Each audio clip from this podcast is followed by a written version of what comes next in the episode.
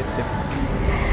Ya, halo, um, ketemu lagi sama gue Denny Kurniawan di podcast Ngobras di Jalan. Kita masuk ke episode ke-6. Nah, kali ini gue nggak sendirian, gue kali ini bareng Saya Arnold Saputra. Halo kawan-kawan yang mendengarkan. Asik. ya. Um, oh, selain ada Bung Arnold di sini ada juga Uh, Hanifi Badur Rahman. Hey. Ini dua tech entusias nih.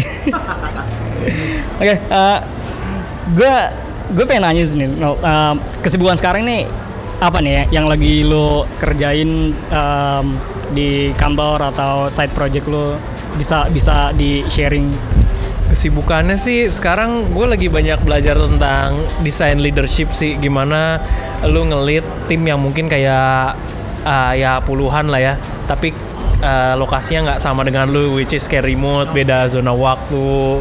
Nah itu gue masih struggling sih belajar itu. Cuman kalau untuk kerjaan sih ya gitu-gitu aja ya mungkin karena ya ngerjain beberapa project buat klien terutama website lalu ada beberapa juga yang kayak activation juga tapi kita lebih kerjainnya dari cara UX-nya bisa dari bukan cuma tampilan tapi juga bisa gimana interaksi customer ke kliennya. Ada juga yang UX research-nya. Wah banyak lah kalau client base mah. Iya. Uh, lu tertarik sama tentang remote gitu? Kayak kerja di di beda negara atau kerja di beda kota itu sebenarnya apa yang membuat lu pengen kayak ini sesuatu yang menarik nih? Apa memang em, ada sesuatu yang lain dalam diri lu yang pengen banget lu pelajarin kayak gitu Eh, dari gue sendiri sih eh, susah banget sebenarnya. Gue itu tipe orangnya tipe orang offline banget. Jadi kalau ketemu orang pun lebih baik ya one on one gitu. Sedangkan untuk eh, untuk untuk skill ngeyakinin orang, skill untuk membimbing orang secara remote kan tuh cuma dengan kata-kata. Apalagi orang itu ngebaca chattingan kita, misalnya pakai Slack, itu kan dia nggak tahu intensi kita apa. Dia nggak bisa lihat mimik kita, dia nggak bisa lihat nada kita, ya kan? Misalnya gue ngomong, ah, bi- ah, yang bener gitu, ya kan? Kalau di tulisan kan nggak ada nadanya, ada bisa orang kayak bercanda kah? Apakah orang ini beneran gitu kan? Ya kayak gitu sih, mungkin lalu beda zona waktu juga dan beda beda kultur juga. Biasanya kan beda negara.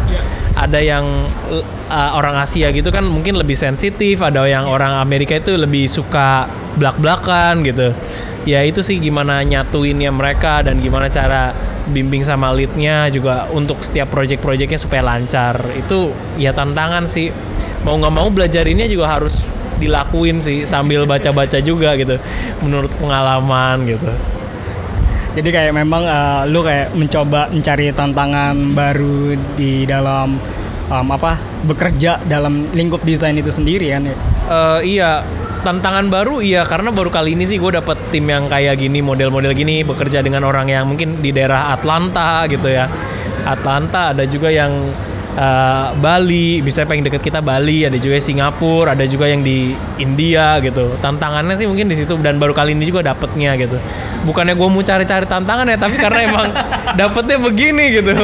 Kalau saya mah mau tau maunya ya semuanya di Jakarta aja lah enak gitu kan. Ah. janganlah Bandung Bandung lebih nggak macet lah gitu. Bandung emang best lu dari Iya. dulu. Adem lebih adem lah gitu. Lebih nggak macet lah pokoknya. Dan em, lu sekarang sebagai seorang UX, terus em, lu juga aktif em, nulis blog. oh iya. Eh, blognya apa ya? nama blog saya tuh krauk krauk di dot wordpress. Jadi dulu saya orangnya jorok suka makan rengginang sambil nulis blog. Jadi krauk krauk di wordpress. Banyak yang kira itu bahasa apa bahasa Rusia gitu. Anteknya Putin dikira ya Iya. sebenarnya sih gitu. Nah, itu em, apa namanya? Lu gua gua terakhir ngeliat ngeliat blog lu gitu udah udah sampai di posting 498 tuh. waduh Aduh gila itu gimana gimana lu kayak menjaga konsistensi lu ngeblog tuh Eh, kadang gua ngeliat kan eh, gua ada baca beberapa blog lu random aja gitu maksudnya nggak nggak se- eh, nggak soal kerjaan lah nggak soal Iya. desain atau apa lu lu habis ikut seminar di Facebook terus lu lu lu share hasil seminar itu terus ya macam-macam aja gitu. Dan em, jaga konsistensi lu itu gimana sebenarnya? Eh, nah ini juga sebenarnya salah di gue juga. Gue akhir-akhir ini udah jarang nulis sih. Sebenarnya awalnya gue bikin blog itu karena gue orangnya nggak melankolis banget. Gue orangnya komunikatif banget ngobrol terus. Dan skill gue untuk nulis ngungkapin dengan apa tulisan tuh kurang banget. Nah karena itu gue bikin blog belajar dari Pak Budi Raharjo dulu yang dosen juga di TB dia kan blogger terkenal. Dia bilang ya blog gua ya blog gua gitu aturan gua. Jadi konten apa pun yang penting kita bisa nulis apalagi sebagai desainer juga kita nulis tuh juga harus perlu banget sih selain lu jago pixel perfect kawan-kawan komposisi tapi cara lu nulis cara lu menuturkan bahasa tone lu itu penting banget. Dan cara jaga konsistensi sih mungkin ada yang bilang ya kalau 10.000 jam lu jadi master tapi Ya. kalau gua mungkin lebih percaya kayak asal lu 30 hari nulis tiap hari aja lu mau nulis apa kek lu bingung kek nanti lama-lama jadi habit cuman kalau saya ini jujur kurang eh, kurang nulis lagi ke blog yang sekarang itu ya mungkin bahan banyak banget ya Nih, maksudnya tinggal tinggal dua episode lagi lu Iya, nyampe dua episode lagi, gope ya nyampe Waduh. gope. Lu harus harus harus gitu. iya iya sih eh, iya kalau konsistensi banyak alasan klisenya sih kalau nggak nulis itu gara-gara sibuk. Tapi sebenarnya ya kalau lu sebenarnya bisa konsisten dan lu punya bahan itu ya lu bisa nulis banyak. Kalau gue sendiri bisa nulis gope gitu karena awalnya eh, banyaknya sih biasa gue tulisnya di Google Keep dulu di notes gitu tentang tema-temanya doang. Tema sama garis besarnya. Di blog itu baru deh gue jabarin dari tema garis besarnya itu gue ingat apa aja. Kayak gitu. Jadi bisa sampai 500 dan ngomongin UX juga akhir-akhir ini sih. Awalnya sih kayak sabodo teing gitu loh kayak ah, apa ada lah apa aja lah mau ngomong tentang burung kutilang kayak PC rusak mulu kayak. Di- ditipu upgrade PC kayak gitu gitu lah. Cara benerin Windows error kayak gitu. Jadi Namanya juga blog ya. namanya juga blog ya jadi gitu. Tapi buat UX designer terutama sekarang udah ada medium kalian ya beranikan diri lah nulis-nulis gitu. Karena dari tulisan itu bisa tahu sih cara berpikir kalian karakteristik kalian. Wow pasti nanti banyak dicari headhunter deh. Asik, Uh, jadi jadi dari blog itu yang ngebuat yang ngebuat lu juga um, akhirnya meniti karir di agency? Di- atau atau gimana? Eh maksud gua jadi seorang UX gitu. Karena kalau UX kan uh, harus komunikatif gitu kan. Lu ngomong sama user lu interview terus um, banyak metode yang dilakuin. Nah emang dari awalnya dari lu kesenangan nulis blog terus akhirnya lu jatuh cinta sama UX atau gimana? Kalau dari UX itu eh, dulu karirnya awalnya gue itu jadi game designer. Ya. Nah di game designer tuh sebenarnya mirip-mirip tentang UX juga sih karena mau nggak mau karena dulu timnya kecil di game itu jadi asetnya juga kita bikin, interactionnya kita bikin, layout interface-nya juga kita bikin. Karena game designer kan kita ngomongin gambaran besar gimana game itu bekerja, flow gimana orang tuh kapan dapat susah, kapan dia dapat happy. Which- Yang kalau di UX pun gitu, jadi kapan orang eh, apa ya? eh, kapan sih dia poin-poinnya dia bakal happy gitu? Apakah waktu dia masukin keran ke keranjang belanja itu ada kayak micro interaction animasi yang bikin orang, wih udah masuk nih gitu, happy gitu. Di game pun kapan dia poin susahnya gitu? Poin susahnya pun di game kan eh, biasa dikondisikan susah, tapi kalau di UX bisa mungkin nggak ada poin susahnya sih, iya kan? Kalau di game eh, kalau di UX ya sebisa mungkin search pun apa pun harus gampang. Tapi kenapa gue ke UX karena eh, apa ya gue ngerasa dulu aku backgroundnya DKV dan gue tuh ngerasa kayak eh, apa ya di desain itu masa depan desain itu ya gimana kita menjembatani antara robot komputer dengan manusia.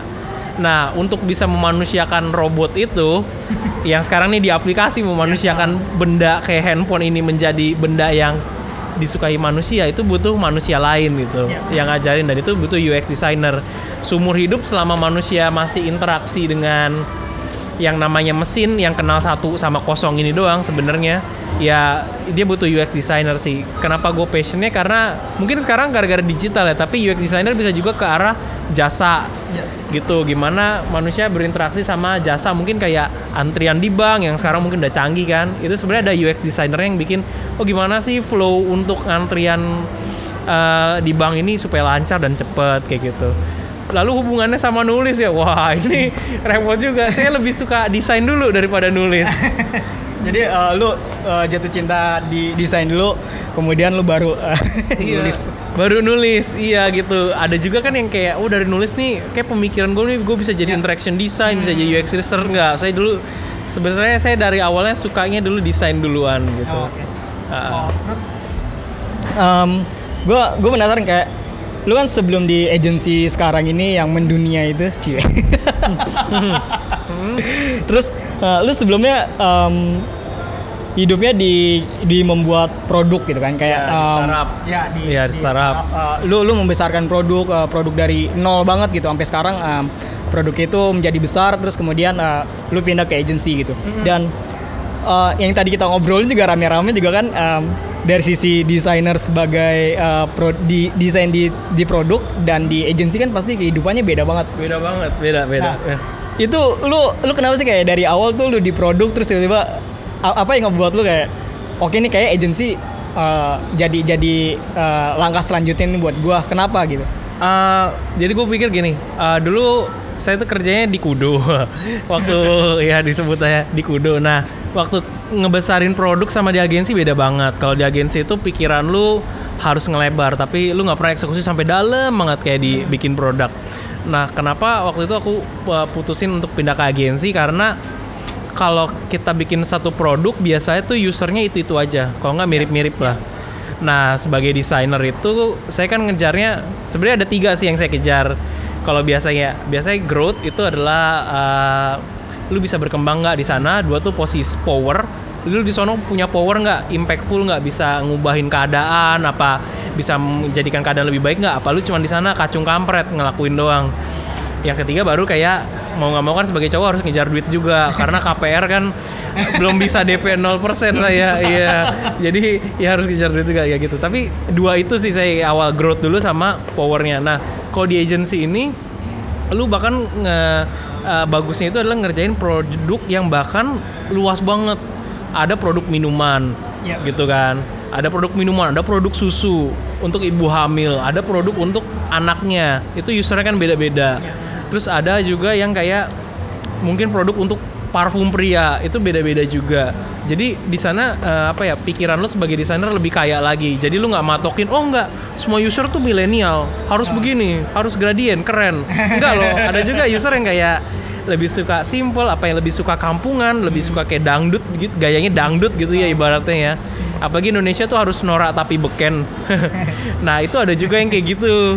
Nah jadi sebagai desainer tuh pikiran lu nggak nggak nggak apa nggak kepatok pada satu produk dan satu persona doang untuk siapa sih yang bakal gua desain. Contohnya adalah kalau lu lihat uh, mungkin Johnny Ive terkenal sama Apple-nya sama produk-produk Apple-nya. Tapi sebenarnya dia juga uh, desain meja kok gitu. Dia juga ngedesain kamera Leica kok gitu jadi uh, perspektifnya juga sebagai desainer sebisa mungkin ya explore juga benda-benda lain atau jasa-jasa lain atau industri lain yang lu mau kembangin gitu lalu kalau uh, di agensi juga karena uh, ya bersyukur juga punya akses untuk ke klien-klien yang lumayan gede. Jadi kita tahu di sana cara pikir mereka gimana, arah mereka gimana. Lalu juga guideline-guideline-nya kan juga beda. Kalau lu di satu startup kan guideline-nya kurang lebih mirip-mirip. Iya, tapi kalau sini satu perusahaan soda, satu peru- perusahaan parfum kan nggak mungkin guideline-nya mirip kan. Masa parfum diminum kan nggak boleh. ya kira-kira gitu. Nah, dan em, itu kayak relate sama yang dulu eh, lo bilang kayak kenapa desainer eh, ngerasa jenuh dengan pekerjaannya atau em, hal yang dilakuin itu itu aja karena memang em, medianya yang dikerjain cuma itu itu aja kan yang yang yang dulu pernah bilang pas di meetup em, pertama kali itu Iya. Jadi kalau uh, saran aku kemarin waktu di Meetup ngomong kalau desainer itu jangan batasin user sama medianya. Mungkin kerjaan lu sekarang usernya ya milenial, medianya mungkin aplikasi iOS apa Android untuk banking gitu, untuk bank. Tapi sebenarnya lu bisa ngelakuin hal lain loh. Lu mungkin bisa ngelakuin tentang jasa medianya gitu. Lu mungkin bisa sama temen lu side project tentang IoT gitu, benda-benda baru gitu. Itu bisa. Dan banyak banget komunitasnya. Intinya sih rajin-rajin search grup Facebook aja sih ada komunitas IoT apa dan mereka pasti butuh desainer sih. Yang penting sih proaktif aja jangan sampai lu jalanin hidup monoton sih. Satu nggak baik gitu satu boring dua ya lu nggak berkembang. Kalau gue sih kayak gitu mikirnya ya.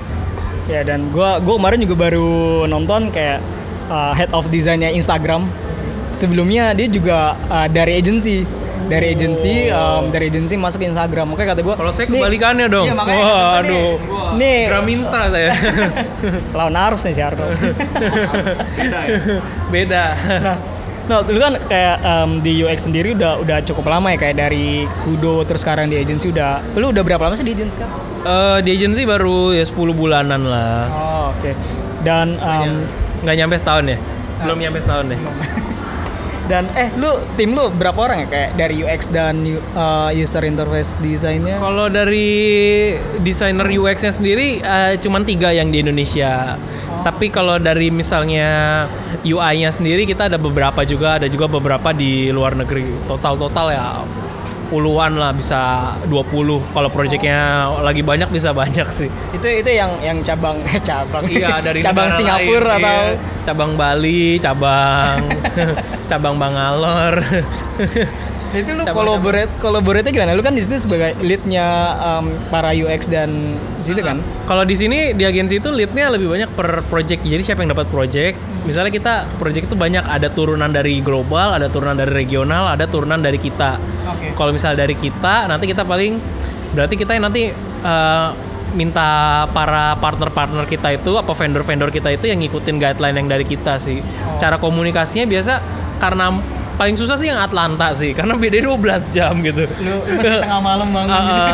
ah, ah, Iya kadang antara kita harus ikut jam dia misalnya jam 11 siang apa 9 malam kan beda 12 jam atau dia ikut jam kita jadi jam 9 pagi. Jadi ya bangun pagi apalagi bangun pagi untuk warga Jakarta kan perjuangan ya. iya kan? Perjuangan sih. Ah, ah. gitu. Jadi sebenarnya yang penting komunikasinya lancar dan sebisa mungkin semuanya jangan di chat sih kalau gue bilang ya harus ada di email. Oh, Oke. Jadi bahasanya lebih formal di email. Kalau yang kecil-kecil aja di chat, tapi kalau udah perubahan gede lebih baik di email. Oh. Jadi jelas gitu uh, scope of worknya apa, apa yang dilakuin, apa yang enggak, susah salahnya di mana, apa yang di review.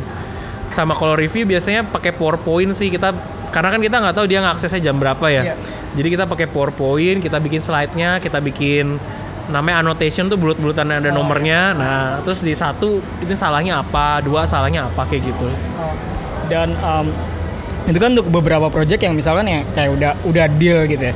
Um, lu lu harus kayak uh, mencerna lebih dalam lagi untuk segi- dari segi UX-nya terus lu mesti um, metode banyak banyak metode yang dipakai. Terus kalau misalkan uh, ada ada satu brand gitu uh, kayak kantor lu baru pitching nih misalkan. Nah itu sebenarnya batasannya kayak gimana sih kalau misalnya pitching sama katanya kan kayak pitching dan uh, project yang udah jadi kan yang udah udah deal gitu ya. Iya, pasti kan ada ada batasan gitu kan kayak Iya. pitching kita harus bisa lebih cepat. Nah itu yang ngebatasin tuh kayak gimana sih?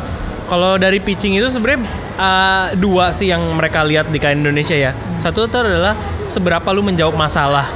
Daripada wow factor tuh lu seberapa menjawab masalah. Karena klien lu ini ngomonginnya bisnis gitu. Bisnis harus ada conversionnya, harus ada uh, prediksinya bakal mengubah kayak apa. Kedua itu adalah budgetnya. Karena agensi ini rada gede, ya budgetnya juga pasti gede gitu. Kita sering kok kalah harga kok. Kalah sama yang lebih murah tuh sering gitu. Dan di Indonesia itu ya yang dilihat sih dua itu. Satu tuh seberapa menjawab masalah sama kedua itu adalah budgetnya. Jadi sebisa mungkin kalau bisa low cost high impact bagus. Tapi kadang itu nggak ada yang nggak mungkin juga. Mungkin dia butuh banyak ditaruh di media mana juga, butuh developmentnya juga jar jangka panjang. Jadi nggak bisa terlalu low cost high impact juga. Apalagi klien gede itu yang diincar bukan inovasi tapi lebih banyak stability. oke Oke lu bisa 5% tapi pasti kayak apa Lebih baik daripada kayak lu 200% Tapi masih rada gambling gitu loh Iya. Apalagi kita kan juga nggak punya full dedicated team untuk ngelayanin agensi eh, apa klien itu terus. Kita tuh kayak inisiasinya di awal aja dan per projectnya. Kalau nanti dia itu nanti bakal ditranslate ke tim mereka. Selanjutnya tuh bakal ditranslate ke tim mereka gitu jadi nggak nyampe full maintain yang dia terus Iya. itu itu nggak uh, kadang kan ada yang um, pitching, padahal project masih pitching nih. Tapi kita memang um, dari uh, segi UX terus uh, udah jadi uh, ya jadi kayak menjawab permasalahan lah dan udah jadi high fidelity-nya gitu. Iya. Dan itu itu um, menurut lo itu yang lo lakuin kayak gitu atau memang pas pitching itu lo cuma low fidelity doang sebenarnya udah cukup gitu. Oh kalau dari gua biasanya kalau biasanya butuh cepet kita bekerja sama sama partner sih. Nanti UI-nya siapa yang penting dari UX-nya di kita. Yang penting karena user experience-nya, guideline-nya, wireframe itu penting banget di kita. Karena partner bisa ngembangin kayak apa, tapi kalau misalnya arahan dari kita awal udah salah, jauh kan feel sama nggak sesuai apa yang kita desain. Nah, kalau pitching emang biasanya kita ya gitu sih dalam dua lima hari lah ya seminggu seminggu kerja itu ya kita cari dulu nih kayak riset dulu siapa personanya gitu-gitu. Kira-kira target usernya apa untuk masalahnya dia itu. Dan kira-kira yang bisa kita kembangin selanjutnya apa. Dan biasanya klien minta kayak high fidelity bahkan sampai kayak prototype-nya Iya. ujung-ujungnya prototype-nya kayak InVision-nya aja. Jadi nggak perlu sampai framer JS wah itu repot ya jangan. Jangan nyampe bikin codingnya wah jangan jangan jangan. Rugi nanti. InVision-nya aja bisa transisi ke mana. Dan di sini pentingnya nulis juga untuk setiap deck itu kan lu nanti ada dokumentasinya. Lu harus nulis tuh. Harus nulis dengan bagus dan rapi bahasanya bagus. Dan kedua storytellingnya juga waktu pitching. Harus pede. Harus pede banget. Karena ya kalau nggak pede gimana lu nggak percaya dengan produk lu gimana Iya. klien juga percaya sama produknya gitu Gila berarti lo kayak eh, pitchingnya aja bisa dalam satu minggu bisa banyak brand yang lo pegang. wah kalau gue bersyukur pitchingnya mungkin kayak sebulan sekali ya dikit dikit ya kebanyakan yang udah deal ya. iya banyak kan udah deal udah maintenance kalau yang masih berjuang pitching sih wah capek loh. Karena uh, buruknya juga di Indonesia ya ma- mau nggak mau kadang ide pitching kita diambil terus dikasih eksekusi vendor yang lain yang lebih murah. Banyak juga Ah, kayak iya, gitu Indonesia. Kalau mungkin di beberapa negara pitching aja sebenarnya dibayar karena kan itu ngambil waktu kerja lu Iya. kan. Dan biasa kalau di tim gua ada beda nih tim pitching biasanya yang lagi lagi rada kosong atau lagi emang Lagi nggak pegang. lagi nggak pegang apa-apa atau emang dia sengaja dikosongin jadi kerjaan dia dikasih ke tim Oh, lain oke. gitu karena kita kerja sama tim juga per brand itu kan beda-beda timnya juga kadang Oh, Oke. Oh, lo kayak di UX ada user experience gitu terus um, gua gua kemarin bikin polling kecil-kecilan baru semalam sih polling apa di di Instagram. Jadi gua gua gua bilang gitu eh, ada yang ada yang tertarik nggak sama um, pengen tahu nggak seputar dunia UX dan ternyata ya dari sekitar ada hampir 20 um, ada eh gua gua lupa pokoknya eh, 80% tuh menjawab pengen tahu gitu. Wes. Mau tahu mau tahu banget atau mau tahu Iya, aja mau nih? mau tahu ini. Nah, sebenarnya kalau misalnya yang lu lihat itu em, mungkin yang orang-orang tahu kayak UX ya mungkin eh, sekedar naruh button di sini ada reasonnya atau naruh ini ada reasonnya. Nah sebenarnya pandangan lu itu eh, UX itu apa sih yang sebenarnya menurut lu orang-orang tuh em, belum paham gitu tentang UX itu sendiri? Waduh, susah juga ya. Buat tuh gampang nih kayaknya. Sus- susah karena gimana ya pengertian UX bagi gue ya UX itu ya benar-benar user experience gimana cara gampangnya kayak tadi gue bilang gimana benda yang mati ini yang komputer yang ngerti satu kosong ini bisa dimanusiakan gitu dengan UX itu. Jadi gimana benda yang nggak ngertinya benda yang ngertinya programming ini bisa apa ngertiin manusia juga bisa berguna juga bisa bisa apa buat hidup manusia lebih baik lagi. User experience tuh uh, bagi gue sih uh, ada dua gimana mereka feel terhadap produk itu sih komponennya itu ya bisa dilihat dari gimana fungsi produk itu. Dan kedua nggak bisa dipungkiri gimana produk itu bisa ngubah hidup mereka gitu. Dan untuk UX ini pengertiannya rada susah juga karena kurikulumnya di Indonesia juga nggak ada kan.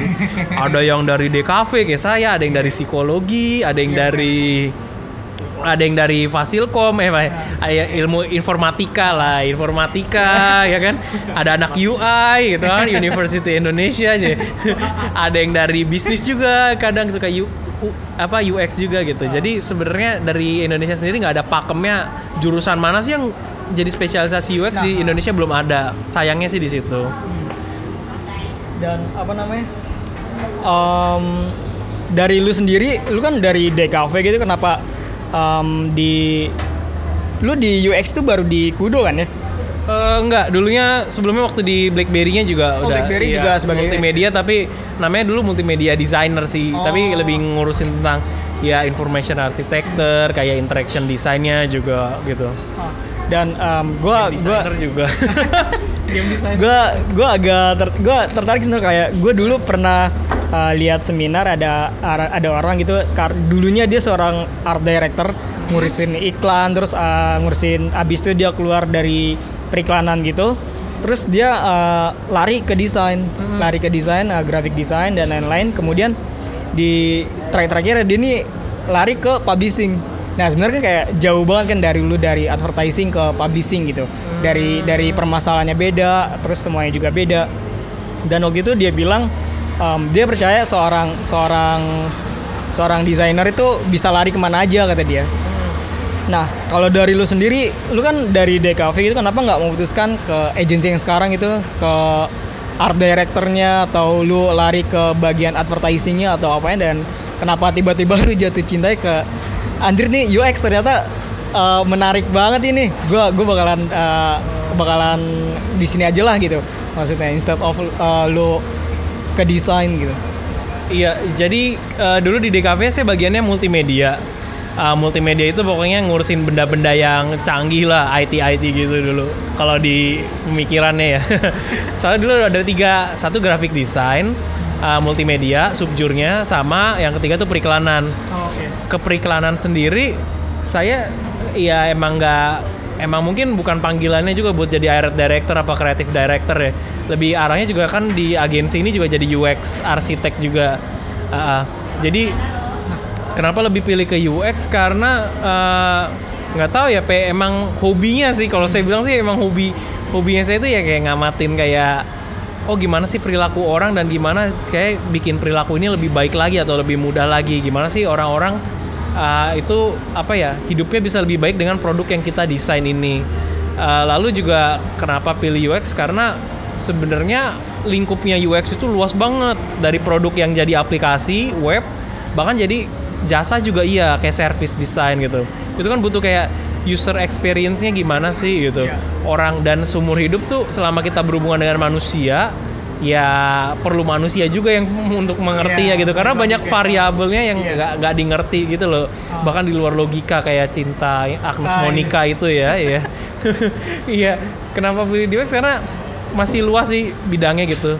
Dan medianya juga luas. Bukan berarti bidang periklanan dan uh, graphic design enggak ya. Cuman mereka juga masih luas sih. Kalau dari gue bilang ujung-ujungnya sih tergantung passionnya lu sih gitu passion lu apa kalau dari saya mungkin passionnya dulu ngomong gue pengen mengubah apa ya ngubah mengubahkan hidup orang lebih baik dengan desain gue gitu desain itu bisa berbagai macam bisa bentuk jasa mau bisa berbentuk produk bisa berbentuk aplikasi gitu Nah, ini ini menarik karena eh, tadi lu bilang sebagai eh, UX eh, arsitek gitu. Hmm. Dan sebenarnya di luar itu ada ada orang pasti tanya UX designer, Iya. ada UX em, tadi yang dari ah, researcher terus ada UX apa ya tuh terus IXD, UID iya terus yang tadi si Mas Tobas bilang kan ada UX apa engineering Iya, Nah, itu sebenarnya kayak lu tuh kapan sih ada ada di UX arsitek tuh ngapain gitu. Nah, UX arsitek itu sebenarnya kayak strategis gitu sih. Jadi dia mikirin gambaran besarnya dan gambaran awalnya. Dan untuk supaya hasil outputnya tuh banyak kan kayak uh, banyak kan sih dari wireframe sama interaction desainnya kayak prototipe gimana. Sisanya UI-nya biasa dikasih ke tim lain karena kan kliennya juga banyak. Iya. Kalau semua UI-nya di gua waduh bisa mati deh. Bisa wasted kalau di GTA tuh. iya, gitu. Jadi UX arsitek itu gimana dia mengarsitekin uh, user experience untuk produk-produk atau jasa si kliennya gitu. Kalau sebenarnya ka- eh, lebih kayak apa ya? Lebih mikir antara itu sih eh, di layer-layer atasnya UX-nya gitu. Mikirin juga bisnisnya gimana ngawinin antara kebutuhan bisnis sama kebutuhan usernya. Kadang kan banyak interaction design kan fokusnya gimana caranya user mencapai goal ini semudah-mudahnya. Iya. user gimana caranya sign in mudah-mudahnya. Tapi dari bisnisnya kan sebenarnya udah dikasih sama PM kalau UX arsitek karena mirip UX strategis juga ya dia harus mikir di bisnisnya gimana kebutuhan kliennya gitu-gitu. Gimana kebutuh gimana user tuh butuhnya apa aja risetnya gitu. Jadi gimana merancang arsiteknya eh, apa ya eh, blueprintnya untuk UX ini berkembangnya juga ke mana. Dan salah satu yang per- diperlukan di UX arsitek juga lu mikir sih ke depannya what nextnya juga harus dipikirin. Kalau UI kan mungkin lebih pikir tentang ini harus pixel perfect elemen desainnya gimana bisa di tap apa enggak interaction design nanti itu lebih mikir gimana user interaksi dengan device ini lebih gampang. Mungkin kalau UX engineer yang kalau bagi saya itu front end engineer sih sebenarnya ya. Front end engineer yang ngerjain UX doang. Ah, itu gimana mikirnya tentang UX ini bisa prototype secepat-cepatnya dan bisa diimplement ke production. Jadi lebih relevan gitu kalau tapi di atasnya itu kan sebenarnya harus dipikirin dong what nextnya sama bisnisnya sebenarnya butuh apa. Sebelum kita bagi-bagi tugasnya ke desainer-desainer lainnya. Jadi UX arsitek lebih kayak gitu sih. Uh, berarti lu memang udah udah nggak pegang desain lagi ya? Kayak um, ya lu sebatas kayak wireframe terus uh, segi bisnisnya terus udah lama nggak ngepegang ngedesain gitu nentuin warna dan lain-lain gitu lu benar-benar udah udah udah lepas itu ya? Itu itu bagian si seorang UI designernya itu sendiri atau? Itu tergantung projectnya. Jadi kalau misalnya nentuin warna nih kan ini klien ya brand dia udah punya brand guideline gitu. Cuman kadang kita juga bikinin juga yang versi lebih rapi apakah gue masih megang apa enggak? Gue masih megang nyampe high fidelity sampai itu juga megang. Terutama untuk yang pitching. Wah lu masih pegang itu Iya, terutama yang pitching pasti pegang karena pitching biasanya kan ya masa kita bayar vendor buat pitching kan kayak nggak costing lagi kan. Biasa untuk kalau kalau pitching kita masih pegang tapi untuk untuk klien-klien yang udah retainer yang balik-balik lagi biasanya udah ada desainernya yang mereka udah punya guideline-nya, udah bisa udah punya strukturnya juga, fontnya, warnanya udah punya jadi mereka tinggal templok-templok lah gampangnya gitu. Cuman masih megang sih dan kangen-kangen juga sih bikin UI UI kayak di dribble cie. Walaupun aku nggak punya dribble. kenapa lu gak punya dribble lu kan udah udah sampai setahap uh, sejauh ini gitu Kenapa nggak punya dribble ya?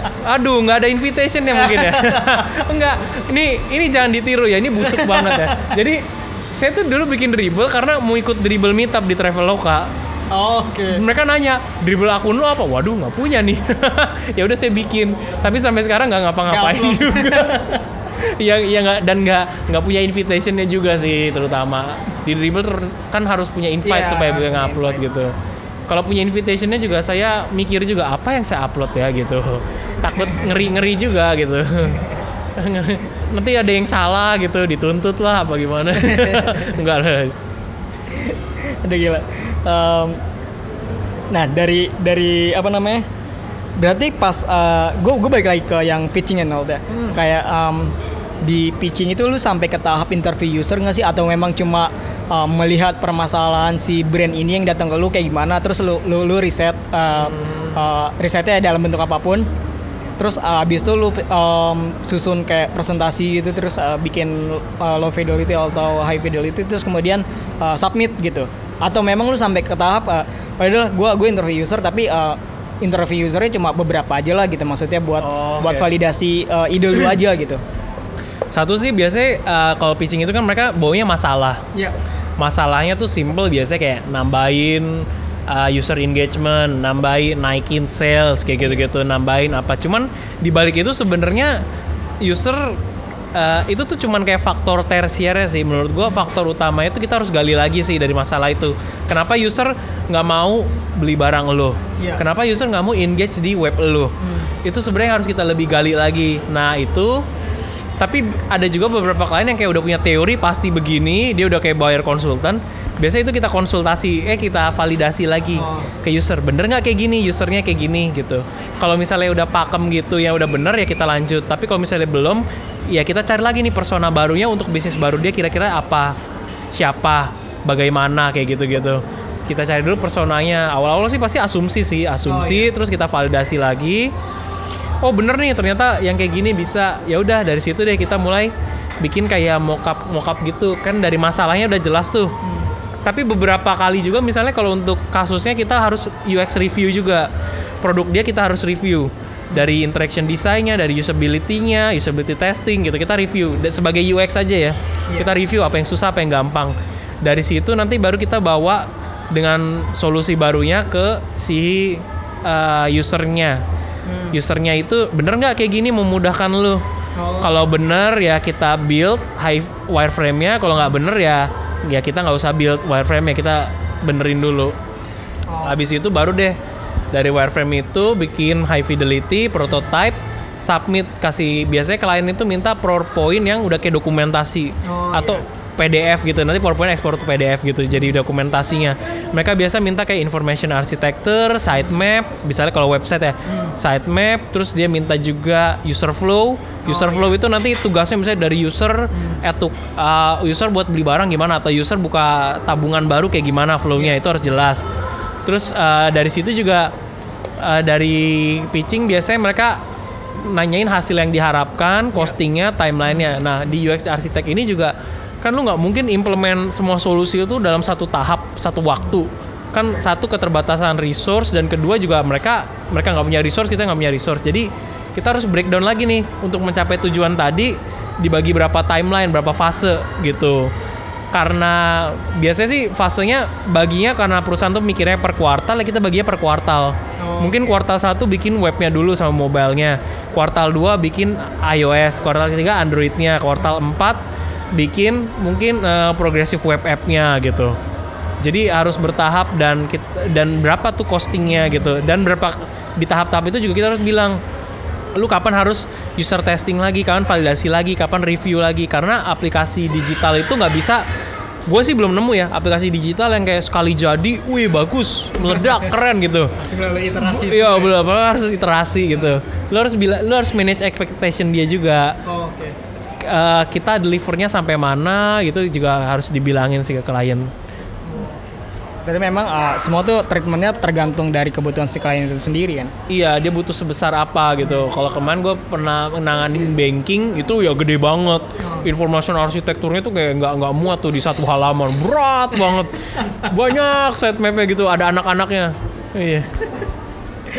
Oke, em, mungkin kayak em, terakhir dari gue kayak em, tips lu untuk seorang eh, yang desainer atau yang seorang em, anak kuliahan yang semester akhir di psikologi atau di jurusan lain yang sebenarnya kayak gue kayak tertarik nih di bagian UX gitu UX designer atau UX UX arsitek kayak lu. Nah ah, lu lu punya punya tips kayak gitu nggak? Eh, apa yang harus mereka pelajari apa yang harus mereka em, dalami lagi gitu? Eh, sebelum lu nyemplung ke UX sih, gua saranin kayak lu kayak ambil lah waktu seminggu lah mikirin. Sebenarnya lu tuh di hidup ini mau jadi apa sih? Serius serius serius. Karena eh, jangan jangan jangan sampai lu udah nyem- nyemplung di UX, terus nanti lu pindah PM, lu terus pindah sales, terus nanti nyampe ke terus lu pindah perusahaan nanti HR-nya nanya lu sebenarnya mau jadi apa gitu. Iya kan? Bingung kan? Jadi ini jadi itu jadi Minky Momo ya. Referensinya jadul. Ya terus ketahuan umur berapa gitu Iya, ah, ketahuan suka nonton Minky Momo ya.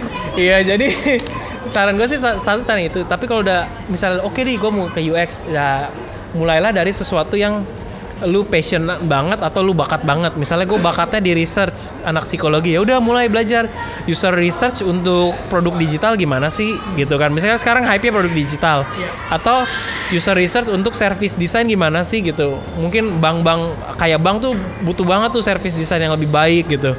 Kenapa banyak produk fintech bermunculan karena bank banyak pain pointnya yang bisa di solve dengan produk fintech. Karena itu sekarang banyak bank juga mau kerjasama sama fintech karena mereka nggak bisa nge-solve pain pointnya sendirian. Jadi kayak gitu. Mulai dan mulailah dari belajar gitu, jangan cuma baca-baca doang, tapi mulai ngelakuin juga. Ambil aja proyek-proyek kecil dari kampus. Mungkin ada teman yang butuh startup, eh butuh startup, teman yang mau bikin startup. ya mungkin kalian jadi relawan dulu. Mungkin acara kampus pasti banyak sih yang yang tentang U- butuh tentang UX researchnya. Apalagi pemerintah kita ya, banyak produk pemerintah tuh gue lihat nggak banyak dipakai karena user nggak butuh. Teknologinya ada, budgetnya ada, uh, aturannya ada jelas, tapi usernya nggak butuh ya, jadi nggak dipakai gitu. Gitu, karena di situ sebenarnya ada uh, apa ya tahapan yang hilang antara user dengan produk yang ditawarkan. Di situ butuh UX designer, UX researcher gitu. Itu kalau misalnya lu suka research, kalau lu suka UI, ya lu belajar lah gimana sih uh, tiap platform kayak iOS, Android, web itu standarnya berapa. Dan jangan pakai template. Belajar lihat dan dokumentasinya bikin dokumentasinya bikin. Dari pelan-pelan aja. Nanti juga lama-lama hafal kok baru dia habis itu bisa pakai template. Karena kalau lu bikinnya kayak template lu nanti bingung giliran ukurannya salah apa ukurannya dibutuhkan lebih gede lu bingung harusnya berapa ya? Gitu. Karena kan ini UI itu hitungan semua ada hitungannya. Nah, terus kalau misalnya untuk UX arsitek gitu ya lu belajar atau UX mau, jadi lead mau nggak mau lu harus belajar eh, teknologinya bisnisnya sama desainnya sih tapi itu pelan-pelan aja. Mulainya dari awalnya ya yang lu suka aja di apa. Oh lu suka suka ke research dulu apa ke interface dulu apa ke interaction design dulu? Ya mulai dari situ aja. Tapi mungkin nanti perlahan kan lu tahu juga bisnisnya gimana cara dapet duitnya gimana convertnya gimana. Terus yang paling susah itu ya gimana cara manage orang sih. Karena manage tim lu untuk jumlah yang lumayan gede itu ya butuh pengalaman juga dan butuh umur juga sih. Karena orang, orang Indonesia masih ngelihat umur Iya, sih. jadi pemimpin yang lebih tua pasti lebih lebih hargai. Dibanding kalau lu misalnya pemimpinnya muda anak buah lu 40 tahun semua. Nah itu challenge banget tuh. Itu tantangan banget. Dan ya gue sendiri sih belum bisa sih kalau sampai segitu sih. Mimpin yang jauh lebih tua gitu masih belum bisa masih belum masih belajar juga gitu. Jadi pelan-pelan aja dulu. Jangan jangan eh, sama saran saya jangan terlalu baca medium kalau postingannya dari luar negeri ya gitu ya. Karena apa ya eh, nggak nggak seindah itu ya. Eh, iya satu nggak seindah itu dan kedua itu adalah itu terjadi tuh di Amerika gitu. Oh, iya. Indonesia tuh dunia yang beda. Be- beda. Kulturnya Indonesia beda, beda. kulturnya beda orangnya beda cara berpikirnya beda itu beda. Jadi kalau japlok banget apa yang di medium apa baca di mana ya mungkin lu perlu localize konten lah ya. Dibikin kontennya lebih lokal gitu. Karena beda banget. Misalnya lu punya anak buah di Amerika sama di Indonesia beda banget. Yang satu belak belakan yang satu baperan. Kan beda gitu. Cara manage juga beda. Jadi kalau lu bikin oh enggak nih Elon Musk mah kayak begini Steve Jobs kayak begini. Ya nggak ya harus dikontekstualisasi lagi di Indonesia kayak apa gitu. Heeh. Um, terakhir gua gua gua buka buka sesi pertanyaan di sosmed gua gitu Iya. Eh, Oh. tapi tapi sayangnya yang yang nanya cuma satu doang sih nol Waduh, yang nanya gua lagi Tahuan udah. sedih sedih gitu nih lama um, di gua gua ini dari siapa nih kita selesai Oke, uh, dia uh, namanya dari Karim. Oh, Di, Karim. di di Facebook. Nadim bukan Oh, itu beda. oh bukan dia dia nanya uh, tempat atau link referensi untuk belajar UX bagi para desainer pemula yang yang yang pengen pengen belajar nyemplung ke UX itu uh, apa lu punya punya reference uh, website atau Oh, uh, grup kah atau forum kah gitu yang benar-benar dia tuh bisa belajar dalam banget di situ. Kalau dari grup sih ada UX ID ya. UXID gitu ya. UXID di Indonesia itu banyak banget sharing-sharing hal tentang UX juga. Tapi kalau untuk course dari awal sih mau nggak mau harus yang UX banget ya harus langganan kayak Udacity atau Udemy sih. Kalau mau lebih otodidak lagi mungkin lihat-lihat baca-baca di Medium atau blognya kayak uh, Product Hunt atau Designer News gitu bisa juga. Cuman kalau untuk komunitas sih yang lagi hype lagi hype hype sih insight ya insight.design ya. Waduh. Itu buatan Keren ya? Iya iya. keren ya? Keren keren insight.design itu buatan dua apa ya dua sesepuh ya UX Thomas Budiman sama Dwinawan ya. Kayak kayak Subasa sama Misaki di Nankatsu gitu oh, ya. bukan, ini sebenarnya kayak kayak ini, kayak kalau di Naruto tuh kayak Hagoromo sama saudaranya tuh. Lupa apa tuh? Iya, anaknya itu, anaknya bos Trahina di Naruto itu loh ya. Iya, iya itu, dua itu. Mereka jago banget ya. Enggak, cuman coba aja cari deh Kak, course gitu untuk di Indonesia banyak. Cuman eh, ya apa ya? Mau nggak mau sih lo harus invest duit lo sih mau di course Iya. online apa offline karena menurut gue investasi terbaik tuh investasi ke diri lu. Dan investasinya itu ya bisa ilmu bisa kemampuan yang ningkatin uh, value atau nilai tambah dirinya sih. Gue bilang gitu.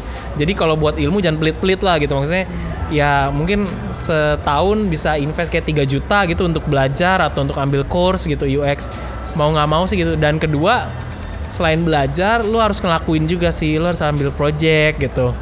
Lu harus ambil projectnya yang real aja yang yang yang teman-teman punya yang kanan kiri lu kenal gitu. Atau mungkin uh, sebisa mungkin jangan project keluarga ya. Nanti karena banyak banyak nggak enaknya nanti.